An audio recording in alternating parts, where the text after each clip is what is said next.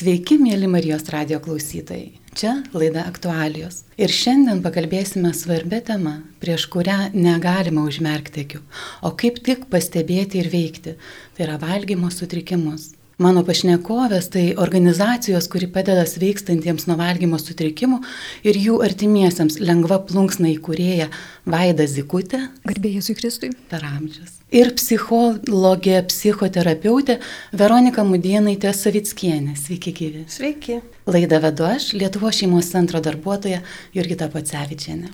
Ši laida gimė susiklošius dviguboms aplinkybėms. Visų pirma, e, kol neturėjau paaugliško amžiaus vaikų, tai valgymo sutrikimų tema atrodė tolima ir aktuali tik siekiantiems modelių karjeros. O šiandien pasidairiusi aplinkiai draugų draugus sakyčiau kitaip. Ir susidūrus realiai kyla labai natūralūs klausimai, ar tai iš ties valgymo sutrikimas, ar nedramatizuoju ir Dieve mano, ką daryti. Na, o kita aplinkybė tiesą sakant labai džiugi. Tai yra rekolekcijos Vilniuje, pranciškonų konventualų vienolyne, rugsėjo 15-17 dienomis. Tai unikalias ir ko gero pirmą kartą Lietuvoje organizuojamas tokio pobūdžio rekolekcijas, skirtas žmonėms patiriantiems valgymo sutrikimus, sergančių artimiesiems ir norintiems sužinoti apie kūno jausmų ir dvasinio elgio sąsajas. Jos pavadintos maistas, kūnas, jausmai ir Dievas, kaip pasotinti alkstančią sielą. Tai e, jūs Vaida ir Veronika esate vienos iš šių rekolekcijų lektorių ir ko gero sumanytojų. Na, bet apie tai gal kiek vėliau, apie pačias rekolekcijas. Tai iš pat pradžių gal galime, na, tiesiog konkretizuoti, apie ką mes kalbame, kas tai yra tie valgymo sutrikimai. Bulimija, anoreksija, na, aš jau girdėjau šituos žodžius ir jie yra tokie šiurpus, na ir jau atrodo, kad, na, tikrai jau tokį dalyką pastebėsi. Ir, bet tarkim, ar įeina į šį apibrėžimą ir emocinis valgymas, tas, arba maisto netoleravimas, naktinis valgymas, dietos drastiškos kažkokios, arba skurdus maisto racionas, kai valgoma vien tik, na, makaronus, pizzas ar čipsus.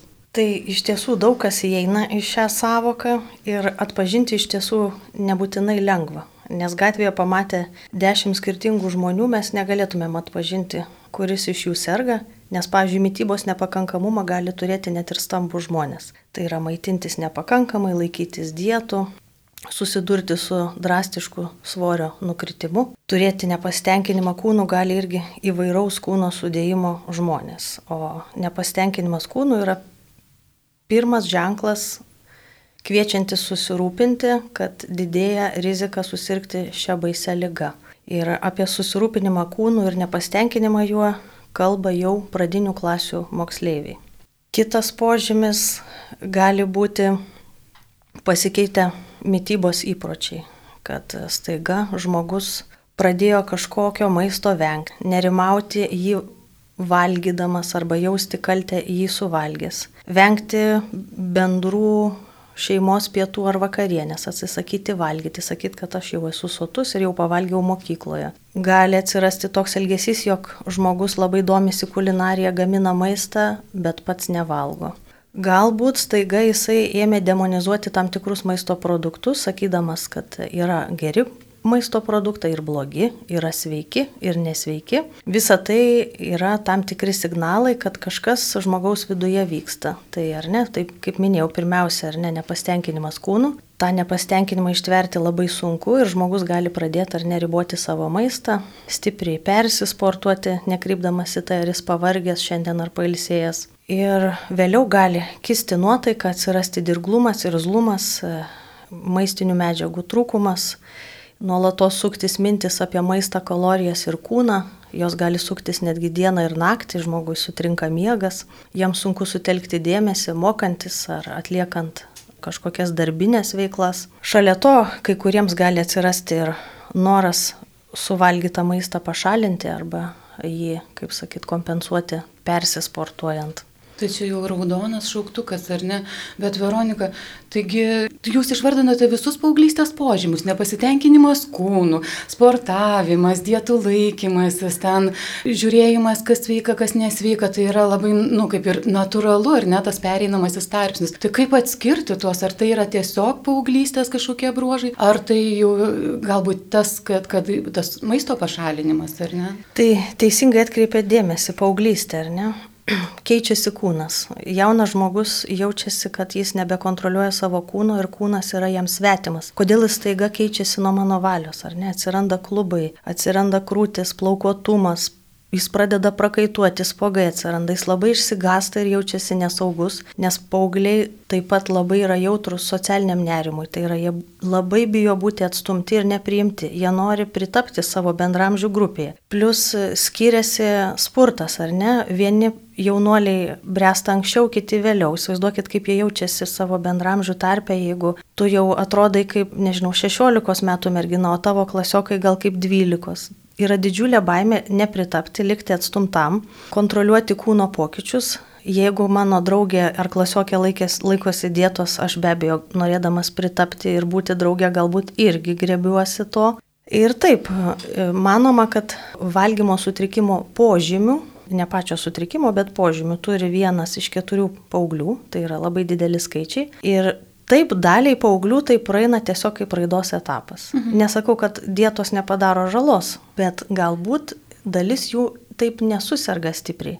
Ir praeina tiesiog kaip raidos etapas, kaip reakcija į besikeičiantį kūną ir besikeičiančius iššūkius gyvenime ir užduotis paauglystės. Ir viskas taip kažkur ar ne tiesiog e, nurimsta kaip audra ir žmogus gyvena toliau. Kiek laiko tas užtrunka ir yra kažkaip pamatuojama, kada jau reikia vėlgi susirūpinti, kad čia per ilgai užsitęsia, o galbūt nu, tai yra natūralu. Tai dalis jaunuolių, kadangi labai dideli skaičiai yra žmonių, kurie jaučia nepastenkinimą kūnų, Aš gal net neįvardinsiu, nes kai vardinu, tai nuskambu keistai, bet tikrai tie skaičiai yra labai dideli ir dalis tų žmonių tiesiog taip ir gyvena su to mintim, ne, tai yra, ne, yra nepastenkinę kūnų savo, ar ne, ir jaučia galbūt nerimą, gėdą, atsisako tam tikrų veiklų, eiti į baseiną, į pležą, bet tos mintis netampa veiksmais, ar ne, aš nepradedu alinti savęs, negalėdamas sustoti, O daliai žmonių taip tai virsta dietom, o dietos virsta valgymo sutrikimu. Nes dieta yra pagrindinis taip vadinamas trigeris ar ne, kabutėse,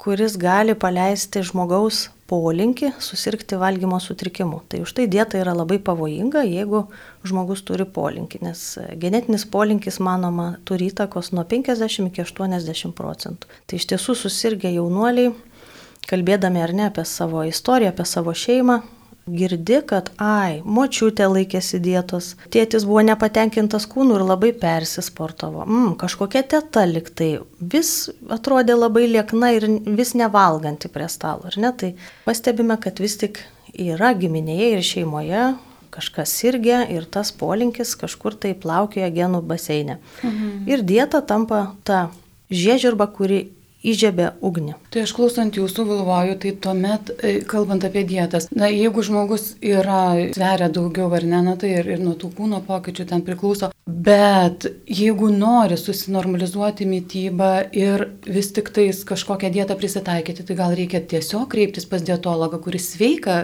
nustatys tą dietą, o ne pasiskaityti į žurnalo arba pasiklausyti, kas, ką, kaip čia reikia daryti, ar ten nedaug dievai ir tą maistą šalinti. Ir čia jo dieta yra, ar ne, tokia labai paprastuoju būdu, primityviuoju, bet aš sukontroliuoju tada savo kūną. Bet tas kreipimasis pas dietologą galbūt padėtų. Pirmiausia, šiaip trūksta galbūt mūsų visuomenė informacijos, kad paauglys turi valgyti daugiau maisto net negu suaugęs vyras. Ir tiek paauglį, tiek artimuosius kartais išgazina, oho, kiek tu valgai, ar ne, bet iš tiesų vyksta didžiuliai pokyčiai organizme ir jam reikia daugiau energijos. Svarbu nekomentuoti tai, ką valgo paauglys ir nekomentuoti jo kūno. O kitas dalykas, svarbu, vaistas yra reguliari ir pakankama mytyba. Ne porcijų mažinimas, ne kažkokių produktų šalinimasis, bet visa vertė įvairi mytyba, nedemonizuojant jokių produktų, pramoginis maistas irgi yra normali gyvenimo dalis ir ta pica, ir tie čipsai. O jeigu jaučiat, kad paauglys valgo chaotiškai, tai yra praleidžia užkandžius mokykloje, praleidžia vakarienę, atsiranda didžiuliai tarpai tarp maisto, pavyzdžiui, jis praleidžia pusryčius. Tai tada tikrai reikia sus, sunerimti, susirūpinti ir be abejo galima kreiptis į gydytoją dietologą, kuris pasižiūrės ar ne, kaip sekasi maitintis ir kaip grįžti prie to tvarkingo valgymo, kuris užtikrintų energijos kiekį, gyventi, mokytis, eiti ir bendrauti, turėti hobius ir tiesiog mėgautis gyvenimo nesukant galvos. Tai pirmiausia svarbu yra reguliari ir pakankama mytyba. Aš klausau vėlgi jūsų ir prisimenu apie bendrus pietus. Labai man kažkaip aktuali šita, šita tema ir šitas klausimas, nes labai daug šeimų nebevalgo kartu. Ir tai yra dėl, nu, tiesiog gyvenimo būdo. Nusineša savo lėkštę ir ten prie kompiuterio e, valgo, ar į savo kambarį tiesiog. Ir sutrukinėja tie šeimos ryšiai tokie natūralūs. Ir tai irgi dar vienas yra, na, momentas, kurio nereikėtų pra, pražiūrėti. Tas valgymas kartu, tai yra ir dalinimasis informacija, kaip sekėsi diena, kaip, ką mes planuojame, tai yra ryšio stiprinimas. Būtent. Ir pastebėjimas, kaip mano tas auglys ar vaikas ar jaunas e, suaugęs, jisai valgo, ar jisai tą porciją suvalgo, ar jisai ją išmeta, ar, ar jis ten kokį kiekį įsideda. Na, toks rūpestingas pastebėjimas, ne, ne kažkoks ten akių įsmeigimas į lėkštį ir, ir, ir baksnojimas, kaip sakot, pastabų dalinimas. Ir savo paties pavyzdžio rodimas. Ir savo paties. Kad aš pavalgau pusryčius, aš įsidedu užkandžių dėžutę, aš pavalgau visaverčius pietus, aš vėl pavalgau užkandį, grįžus pavalgau vakarienę ir jeigu noriu, dar suvalgau ar ne naktipečiam kažkokią tai riestainį su arbata. Tai rodyt savo pavyzdį, kad aš nekomentuoju tą, ką aš valgau, Aš nekomentuoju savo kūno ir kūnus, kuriuos matau televizijoje, šeimoje ir giminėje.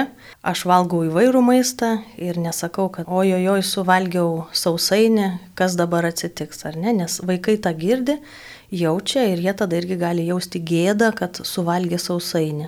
Nes, pažiūrėjau, mama ar tėtis irgi jaučia gėdą tą suvalgę, o gal ir bijo būti apkaltinti, ar ne, jausti kalties jausmą ar nerimą, kad oi, tai čia gal mūsų šeimoje nevalgom sausainių. Taip, nuo šeimos irgi daug kas priklauso ir ne, vis tik tais vaikas yra ne vienas ir vienišas pasaulyje, o šeima gali daug padėti ir prisidėti.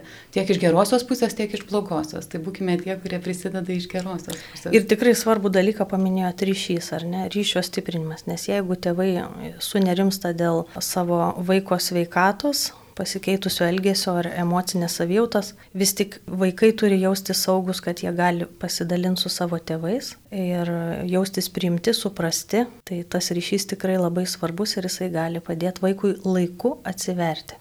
Mes e, kalbėjome apie šeimos ryšius, bet nepamirškime ir įtakos aplinkos kurioje žmogus auga, formuojasi, atsakėte, lyginasi su e, aplinkiniais, ypatingai kai kūnas keičiasi ir e, vienas yra plonesnis, storesnis, aukštesnis, žemesnis, kojos plonesnės, kažkieno jau nebe taip atrodo su tom kelniam, kurios visada nešioja, kito ten dar kažkas. Ir žodžiu, yra aplinka, kurioje lyginėsi. Bet yra ir dar plačioji ta įtaka, kur na, sociumas visas, kur, kur reklamos visos eina, kur tie visi gražų žmonės yra ir, ir galbūt pašiepiami tie, kurie netokie ne, ne gražus. Arba Veronika minėjote prieš laidą, čia kalbantis mums, kad su lėlėmis noriau žaidžia tos, kurios yra perdėtai lieknos, negu kad na, normalios išvaizdos, kurios yra padarytos. Tai iš tiesų mus bombarduoja, ar ne, socialinė medija aplinkiniai žmonės ir yra susiformavęs kažkoks ar ne įvaizdis, kad lieknas kūnas reiškia sėkmingas, laimingas, sveikas. Ir paaugliai be abejo labai yra jautrus tam socialiniam bombardavimui ir jiems gali būti sunku atskirti, kur yra tiesiog būtina ar ne kūno įvairovė, o kur yra įperšamas įvaizdis, kuris nėra sveikas ir sektinas, nes viena iš paauglystės užduočių yra atsiskirti nuo tėvų, ar ne? Tai mhm. paauglys atsiskirdamas nuo tėvų ieško kumyrų, autoritetų, subkultūrų už šeimos ribų. Ir nebūtinai tie kumyrai ar autoritetai yra turintys tinkamą santykį su maistu ir kūnu. O tokių ar ne apstu įvairiose socialinėse medijose ir jaunas žmogus nesusigaudantis gali tikrai pradėti sekti tokiu pavyzdžiu. Dėl to labai svarbu jaustis saugiam šeimoje, kur jo kūnas yra priimamas toks, koks jis yra, kuris gali jaustis laisvas ir saugus būti savimi, jaustis nekritikuojamu, nevertinamu, o jaustis tokiu, koks jis yra. ir galėti pasikalbėti su tėvais ar ne apie tai, kas jam kelia nerimą ir išgirsti ar ne, kaip, kaip atrinkti kritiškai tuos autoritetus, ir įvertinti. Na, bėda tame turbūt, kad paprastai kalbasi su bendramžiais, ne su tėvais. Nes tėvai ką čia išmano, bendramžiai tai yra didesnis autoritetas tuo laikotarpiu ir tai irgi yra atsiskirimo proceso dalis. Bet aš esu girdėjusi istoriją, kaip, na nu, ir man labai gražus šitas pavyzdys, kaip tėvai dar nuo tokios ankstyvesnės vaikystės kartu kartu e, sklaidydavo tuos populiarius žurnalus, vaikams dar tuo metu panelė vadinosi, -hmm. ir kartu skaitydavo, kuriame irgi yra visko. Ir kritišką mąstymą ugdydavo, kad keldavo tuos klausimus, o kaip tau mhm. atrodo, mhm. o kas taip yra naip. Ir tas moralinis toks vedimas gali būti ir net ir ne pagal visai tinkamus pavyzdžius, ir juos išnagrinėjant ir tada suformuojant tą tokį platesnį matymą, perspektyvą. Ir, ir tai yra puikus, puikia vieta pokalbiai, tikram nuoširčiam. Ir iš tiesų tėvai turi atlikti tą funkciją, tą vaidmenį, nes jaunas žmogus dar tiesiog nesugeba pagal savo raidą tiek kritiškai vertinti situaciją, kiek suaugęs, ar ne, matyti galimas pasiekmes savo elgesio ir pasirinkimų, e, reguliuoti save ir įvertinti situacijos rimtumą. Tai, tai yra natūralu jų raidos etape, dėl to tėvų funkcija čia yra labai svarbi tą parodyti ir nemoralizuojančiai ar ne iš tiesų, o kviečiančiai į diskusiją ir pokalbį, girdint jauną žmogų neužverčiant ar ne jo savo griežtais įsitikinimais ar kažkokiu tai grasinimu kartais ar ne iš pačių tėvų nerimo ir nesaugumo jausmo, o kviečiant į pokalbį, kas nėra paprasta, nes reikalauja labai daug kantrybės. Ir laiko. Ir Mes laiko. dabar esame nu, tokie užimti, tokie užimti, bet kaip pasižiūrime kokybę to laiko, kam mes skiriame tai galbūt galime kažkokių netokių svarbių dalykų atsisakyti, ar to paties skrolinimo internete ir skirti pokalbį su, su vaiku. Ir šiaip, nu, iš, iš, iš gyvenimiškos patirties, tai galiu pasakyti, kad tas, už, nu, kaip, neužsipuolimas, bet galbūt tas noras čia ir greitai dabar išspręsti situaciją, va, aš pastebėjau ir aš dabar tau pasakysiu ir aš, ir aš pasakysiu kaip autoritetas, turintis daugiau patirties, žinių ir tu manęs paklausysi ir viskas bus gerai, važiuojam toliau. Tas neveikia. Veikia ryšio būtent kūrimas ir tame ryšyje tik tais galima kažką patarti žmogui, bet jeigu patarimas bus be ryšio, tai jis ir liks tiesiog nuo šalyje padėtas kaip nereikalingas lagaminėlis, ar ne taip? Taip, iš tiesų man priminėt vieną svarbų dalyką, galbūt šiek tiek įterpsiu, ar ne, vad kokios būna būdingos tėvų reakcijos susirgus vaikui arba pastebėjus valgymo sutrikimo požymius. Tai vienas iš jų, ar ne, iš nesaugumo ir nerimo dėl savo vaiko sveikatos dalis, ar ne, tėvų gali sureaguoti kaip raganosiai, ir eit keurai sienas, aš pasakiau, bus taip ar ne, o vaikas tada jaučiasi, jog juo nepasitikima ir jis tada tyliai priešinasi ir partizaninė kova užsiema. Ir jo nesupranta. Taip, jis jaučiasi nesuprastas. Kiti tėvai gali kaip medūzos reaguoti labai išsigandę, susijaudinę, sunerime. Tada vaikas irgi labai išsigasta ir savo jausmus uždaro savyje, kad nejaudrintų ir taip jautrios mamos ar tėčio ar ne, bet vėlgi duris užsidaro, jis kažko nepasakoja. Kiti yra kaip medžiokliniai šunys, viską uosto tikrina, stalčius atidaro, šiukšlių dėžės tikrina, kišenės tikrina ir aišku, vaikas irgi tada jaučiasi, kad, aha, mama ir tėtis labai intruzyviai kišasi. Protestuoju. Gerai, tada aš, aš, aš nuspręsiu, ką aš valgysiu. Va čia tai neįsikiš. Arba tyliai kažką darysiu ar ne pagal save, arba atsitrauksiu ar ne, nes man tai yra per daug. Kiti gali kaip strutis atsitraukti ir galvoti, nu, čia tiesiog praeis kažkaip, ar ne, aš pasineriu į darbus, į veiklas ir kažkaip tai užmerkiu akį, nes man per daug sunku, per daug baisu. Dalis tėvų būna patys irgi valgymo sutrikimais jaunystėje ir paauglystėje ir jiem tikrai yra per daug sunku mm, prisiminti savo lygą arba sukyla jausmai, neišspręstos žaizdos, traumos ir jie tada tikrai atsitraukia, nes nu, jie nesusidoroja su savo paties jausmais ir nesugeba ar net tuo metu padėti vaikui. Taip irgi nutinka. Tai tos reakcijos yra, a ir dar viena kengūra, ne, tai tokie hiperglobojantis, kur nu jau tada ai, vaikas pasakė, kad nevalgys to produkto, jis valgys tik tai kitokį, gerai, aš važiuosiu per visą miestą ir nupirksiu būtent tą produktą, kad tik jam nekiltų nerimas ir kaltė, kad tik jis nesupyktų, ar ne, tai aš taip savo sterblėje jį laikau, viską už jį darau, o valgymo sutrikimas trina rankom. Oi, kaip gerai, aš laimiu. Vienas nulis. Tai Bet jeigu produktas geras, tai gal nieko tokio? Palaipsniui tai gaunasi vergystė valgymo sutrikimų ir valgymo sutrikimas tikrai pradeda bujoti, o vaikui labai patogu būna likti toje sterblėje. Jis gauna rūpestį, meilę, šilumą. Mama galbūt tuo metu atsitraukia nuo darbų, nuo kitų vaikų ir visą dėmesį skiria jam, ar ne? Tai vadinama antrinė lygos nauda, ar ne? Kad Valgymo sutrikimas yra ir apie tai, kad žmogus ima su laiku kažką gauti iš tos lygos. Ir tada jau tą lygą išprašyti labai sunku. Mhm. Aišku, tai nevyksta sąmoningai, žmogus to nepasirenka. Čia jau yra tam tikra dinamika ir e, tos antrinės naudos lygos yra labai daug ir svarbu su tuo žmogum e, atrasti, kas konkrečiai jo gyvenime, ką jam konkrečiai duoda ir kokį vaidmenį atlieka ta lyga. Jo gyvenime ir jo šeimos. Tai praktiškai reikia žmogaus iš šono, kuris padėtų atnarplioti, kuris nėra glaudžiai susijęs tiek emociškai, tiek na, giminystės tais ryšiais. O žiūrėkit, Veronika, dar labai trumpai, kaip galime padėti savo. Aš jau čia išgirdau, kaip galime diagnozuoti, kaip galima padėti vaikui ar ne. Ir, o kaip savo galima padėti, kai aš esu emociškai įsitraukusi ir aš, aš dabar, kai jūs kalbėjote apie tas raganosius medūzas, medžioklinius šunis ir visą kitą, aš perėjau per visus etapus. Aš galėčiau būti bet kas. Taip. tai kaip, kaip savo padėti, kad neįtume į tuos vaidmenis kažkokius žalingus mums ir žalingus vaikui? Tai iš tiesų tai labai svarbus klausimas. Aš pati ligoninėje vedu e, sergančiųjų tėvų grupės ir mes daug apie tai kalbamės kiekvieną, kiekvieną savaitę, ar ne? Kaip būti šalia to jauno žmogaus ir paauglystės ir dar valgymo sutrikimų nes tai tikrai didžiulis iššūkis ir tėvai patys e, būna sunerime ir išsigandę ir labai labai pavargę. Tai pirmiausia, ar ne, tą degonės kaukę vis tik reikia užsidėti savo, nes jeigu aš nenurimsiu, jeigu aš neatsipalaiduosiu ir nesu, nesugebėsiu atsitraukti, tai nepadės veikti. Tada atsiras išlydžiai, konfliktai, pykčiai, ašaros, negirdėjimas vienas kito ir taps nuolatinė kova kuri sekina resursus visai šeimai, o lyga vėl laimi jau dabar 2-0.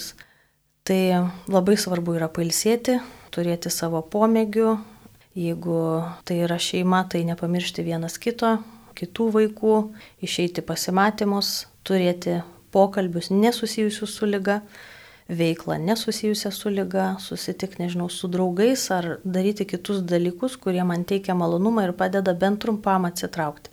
Ir aišku, labai rekomenduojama patiems tėvam kreiptis pagalbos, tai va ieškoti tokios paramos grupės, lankytis individualiai pas psichologus, psichoterapeutus, ar ieškoti dvasinės pagalbos, ar visko kartu, kad tik tai papildyti save tais resursais ir atrasti jėgų toliau būti sveikimo kelyje. Grupės yra būriamos ir, ir, ir startuoja vis, vis naujai, ar ne, reikia tik tais žinoti, kur jų ieškoti, mes pabaigoje gal ir paminėsime tuos taškus. Ir šiam kartui aš noriu priminti, kad gerbimi Marijos radijo klausytojai, jūs klausotės laidos aktualijos ir šiandien mes kalbame apie valgymo sutrikimus. Mano pašnekovės tai Vaida Zikutė ir psichologė psichoterapeutė Veronika Mudienaitė Savickienė. Kalbinu aš, Lietuvos. Lietuvos šeimos centro darbuotoja Jurgita Pocevičianė. Taigi, kaip minėjau laidos pradžioje, e, vyks rekolekcijos. Vilniuje Pranciškonų konventualų vienuolynė rugsėjo 15-17 dienomis.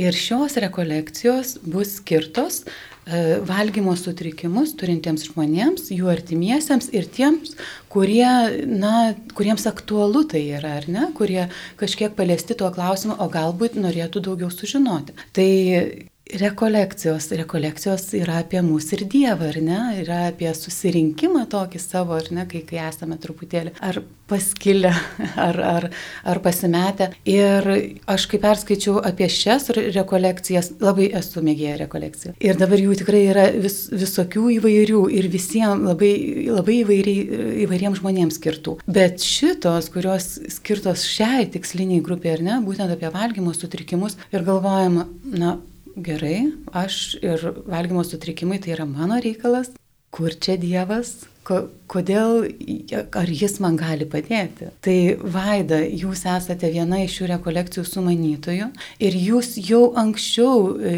kurdama e, lengvą plunksną ir joje dirbdama, jūs kalbėjote apie tai, kad dvasia ir kūnas yra taip susiję ir kad tos dvasinės pagalbos tame labai reikia. Paprastai yra akcentuojama, na, tik tokia mytyba ar psichologinė ta pagalba, kuri yra be galo svarbi, bet o dvasinė pagalba yra paliekama nuo šalyje. Tai šios rekolekcijos turbūt taip ir gimė iš to poreikio, ar ne? Iš tiesų, kaip ir daugelis gerų dalykų, tai gimė tiesiog pokalbio metu ši idėja ir aš labai džiaugiuosi, kad nei viena pusė čia dalyvaujanti, nei valgymo sutrikimų centras ir jų gydytojai, nei pranciškonai konventualai nepaneigė, kad gali būti kartu priešingai labai pozityviai ir optimistiškai e, į tai pažiūrėjo Ir manau, kad labai svarbu iš tiesų, kad čia yra tarsi kryškelė, kurioje susitinka medicina ir religija ar tikėjimas. Ir mes pagaliau žiūrime į tokį sudėtingą reiškinį kaip valgymo sutrikimai ne atskirai, ne per medicino, vien tik prie medicinos ar psichoterapijos prizmę, bet mes užgrebėme ir, ir dvasinį aspektą. Tai prie jų dar grįšiu toliau. Ir ką noriu pasakyti, kad prieš trejus metus mes darėme dvi tokias pačias rekolekcijas ir iš tiesų labai akivaizdžiai matėsi, kad kai einame į pasaulio, ta prasme, sekuliarioje aplinkoje, kalbame apie valgymo sutrikimus, reakcijos ir klausimai yra visiškai kitokie. Tuo tarpu, kai mes kalbame tikinčiųjų bendruomeniai, yra daugiau nežinojim, daugiau, e, didesnis tų vat, psichoterapinių ir psichologinių žinių stoka ir, ir nežinojimas, kaip juos galiu čia pritaikyti. Tai būtent dėl to, man atrodo, yra labai svarbu, kad ir tikinčiųjų bendruomenė galėtų išgirsti apie tos įrankius, kuriuos gali pasiūlyti psichoterapija, psichologija ir, ir medicina kaip, kaip tokia. Dievo buvimas ir dvasinis aspektas. Neįmanoma, man atrodo, kad neįmanoma į bet kurį psichologinį sutrikimą ar, ar žaizdą žiūrėti vien tik tai iš kūno ar e, iš psichologijos perspektyvos. Mes gerai žinome, kad dažnu atveju tai turi ir dvasinės kilmės priežastį ar sužeidimą, kuris yra įvykęs dvasinėje plotmėje. Ir netgi jis yra, jis yra sunkiausiai ir giliausiai pasiekiamas. Nes kalbėdami apie valgymo sutrikimų gydimą tame pačiame valgymo sutrikimų centre, žinoma, mes per psichoterapijos būdu prie, mėginame prieiti ir, ir prieiname prie giluminių priežasčių. Bet visų pirma, kas yra daroma, visų pirma, tai yra bandoma padėti žmogui susitvarkyti su simptomais ir rasti jam išgyvenimo būdą sveikimo kelyje, nes sveikimo kelias nėra lengvas, jis ilgas. Tai nenutinka valgymo sutrikimas, nenutinka žaibų, nenukrenta iš dangaus. Į tai iš tikrųjų įeinama dėl įvairių priežasčių, dėl įvairių aplinkybių, įskaitant ir psichologinės traumas, fizinės traumas, seksualinės traumas įmanomas daugybė priežasčių, šalia to, ką Veronika paminėjo, šalia genetinio paveldimumo, šalia aplinkos poveikio, šalia kultūros, kurioje mes dabar, tokios vizualiai labai paveikios kultūros, kurioje dabar gyvename. Tai gal taip bendrai būtų taip. Ir tai yra istorija, kaip sakote, tai yra kelias ar ne iki to, ne, neištinka staiga, kad aš čia vieną dieną ėmiau ir sugalvojau, kad mano čia tas kūnas nepatinka, tiesiog be, jo, be jokio konteksto aplink. Tai yra istorija, kurią reikia atsekti, ar ne? Bet kalbant apie vėlgi, kad sekuliarus pasaulis, bet tai vis tiek žmonės yra dvasinės būtybės ir jos ieško to dvasinio peno kažkur, tada kitur, ar ne, vis, vis tiek kažkur pasimaitina. Tai tas ieškojimas Dievo ar ar, ar to dvasinio peno jisai yra prigimtyje. Tai šitos rekolekcijos, jos yra skirtos vien tik jau susivokusiems e, keuriems katalikams, ar gali ateiti bet kas? Tikrai skirtos visiems ir, ir susivokusiems savo lygoje ir keliantiems klausimų, ar iš tiesų man jinai yra būdinga ar ne, o gal aš tik tai turiu kelis simptomus, kurie greitai pranyks. Ir tikintiems, ir netikintiems. Tikrai nėra apribojimų ir nėra tokio tikslo. Žiūrint plačiają, iš plačios perspektyvos, netgi galima sakyti, kad valgymo sutrikimai yra ir yra tam tikra prasme ir žmogaus kaip Dievo kūrinio neigimas ir Dievo kaip kurėjo neigimas. Nes čia yra labai stipriai išreikšta neapykanta savo ir savo kūnui.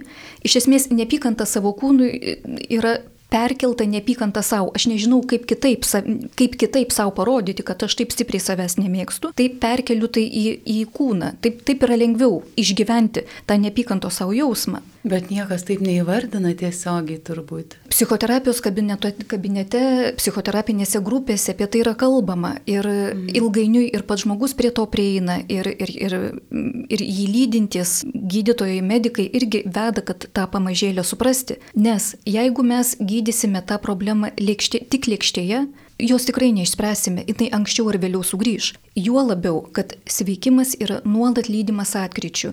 Atkryčiai tai reiškia, kad jeigu aš esu linkusi badauti, man būdingas anoreksinis elgesys, tai aš susidūrusi su tam tikru psichologiniu sunkumu, mano reakcija bus aš pradėsiu badauti. Vietoj to, kad reaguočiau į tą sunkumą ir išveikčiau jį kitais būdais. Nes sveikimo kelyje dar nepakankamai įgyjau kitų įveikos būdų ir vienintelis kelias, kaip aš žinau, išgyventi kažkokią tai ar konfliktą, nesusipratimą, nesėkmė yra maistu. Jeigu man būtų būdingas buliminis e, elgesys, tai tuomet į tą konfliktą, traumą, nesėkmę aš reaguočiau persivalgymu. Ir tam, kad nutieščiau naujus įveikos kelius ir savo smegenyse, ir savo įpročiuose, ir, ir kasdienybėje, tai yra labai laiko imlus e, procesas. Ir taip, visi sunkumai, kurie užtrunka ilgai, kurie apima fizinį kūną, psichologinę, mentalinę būseną ir, ir dvasę, jie kelia labai didžiulę kančią. Yra kyla labai daug neigiamų jausmų sveikimo kelyje. Ir kaltė, ir gėda, ir neviltis, ir abejojimas, ar aš pasveiksiu abejonė ar apskritai galėsiu kada nors gyvenime gyventi normalų gyvenimą, o gal aš ir liksiu su tokiom, su tokiom ir simptomais, ir su tokiom pasiekmėm. Tai dvasinė atsvara, Dievo buvimas, žvelgimas į Kristų savo kančios akivaizdoje ir ieškojimas atspirties vienareikšmiškai yra labai svarbus. Ir gal dar trumpai paminėsiu, kad bendrai mes kalbėdami apie sveikimą galim žiūrėti, išskirti tokius ar ne, tris etapus. Tai pirmas yra lygos pripažinimas. Ir aš čia matau tokią labai akivaizdžią dvasinę sąsąją, nes lygos pripažinimas tai yra buvimas tiesoje, buvimas tiesoje su savimi. Ir mes, mes tikintieji žinome, kad niekas taip ne, nepadeda mums stovėti tiesoje ir tiesos akivaizdoje, susižvelgti tiesą akis, akis į akį kaip Dievas. Toliau pripažinus, tai irgi yra procesas, tai nėra taip ar ne, aš vieną dieną susirgau, po trijų dienų pripažįstu, taip, man iš tiesų yra anoreksija, aš tą pripažįstu, sutinku, man reikia gydytis. Tai yra procesas. Aš turiu krūvą kartų atkristi, vėl įbristi į savo senus elgsenos modelius, kad pagaliau suvokčiau. Taip, tai iš tikrųjų lyga, pati ar pat savo rankomis to neįveiksiu, man reikalinga pagalba. Sekantis etapas yra po, priži, po pripažinimo jau tas sveikimo kelionės, sveikimo kelias. Ir čia man sugrįžta visa tai, ką aš buvau iki tol užmaskavusi ir paslėpusi. Tai yra gėda, kad nesugebu kitaip susitvarkyti, kaltė, kad aš esu toks tokia keista ar toks keistas. Dabar daugėja tų atvejų, ar ne, bet vis vien tai yra toks netipinis ir, ir, ir nejaukus išskirtinumas. Nenormalus. Nenormal, taip, tai yra tam tikras nenormalumas, su kuriuo turiu išgyventi. Ir neviltis. Nes be abejo, kad nėra taip, kad vėlgi žmogus nebandė, jis bandė daugybę kartų ir kai jis pripažįsta, jis vėl ieško naujų sveikimo būdų. Tai vilties, vilties šaltinio atradimas ir žinojimas, kur aš galiu atsiremti toje savo nevilties bedugnėje, irgi yra lab, labai svarbi kelionės dalis. Aš net nežinau, kur kitur iš tiesų galima, kur, kur kitur tu galėtum, nes savo rankomis tu nesusikursi, savo rankomis tos begalinės nevilties, tos tuštumos ir tamsos, kuri gyvena tavyje, e, sergant valgymo sutrikimais, dažnai yra tokia būsena, kur daugiau galima rasti ir nuo ko atsispirti, nelabai įsivaizduoju. Savo rankomis sunku tai padaryti. Tai mums reikia atsispirti į žmonės ir į Dievą. Vienareikšmiškai mes turim atsispirti į tuos įrankius, kuriuos mums gali suteikti medicina ir mokslas ir ieškoti savo ir kančios paaiškinimo santykėje su Dievu ir Jėzu, Jėzumi Kristumi.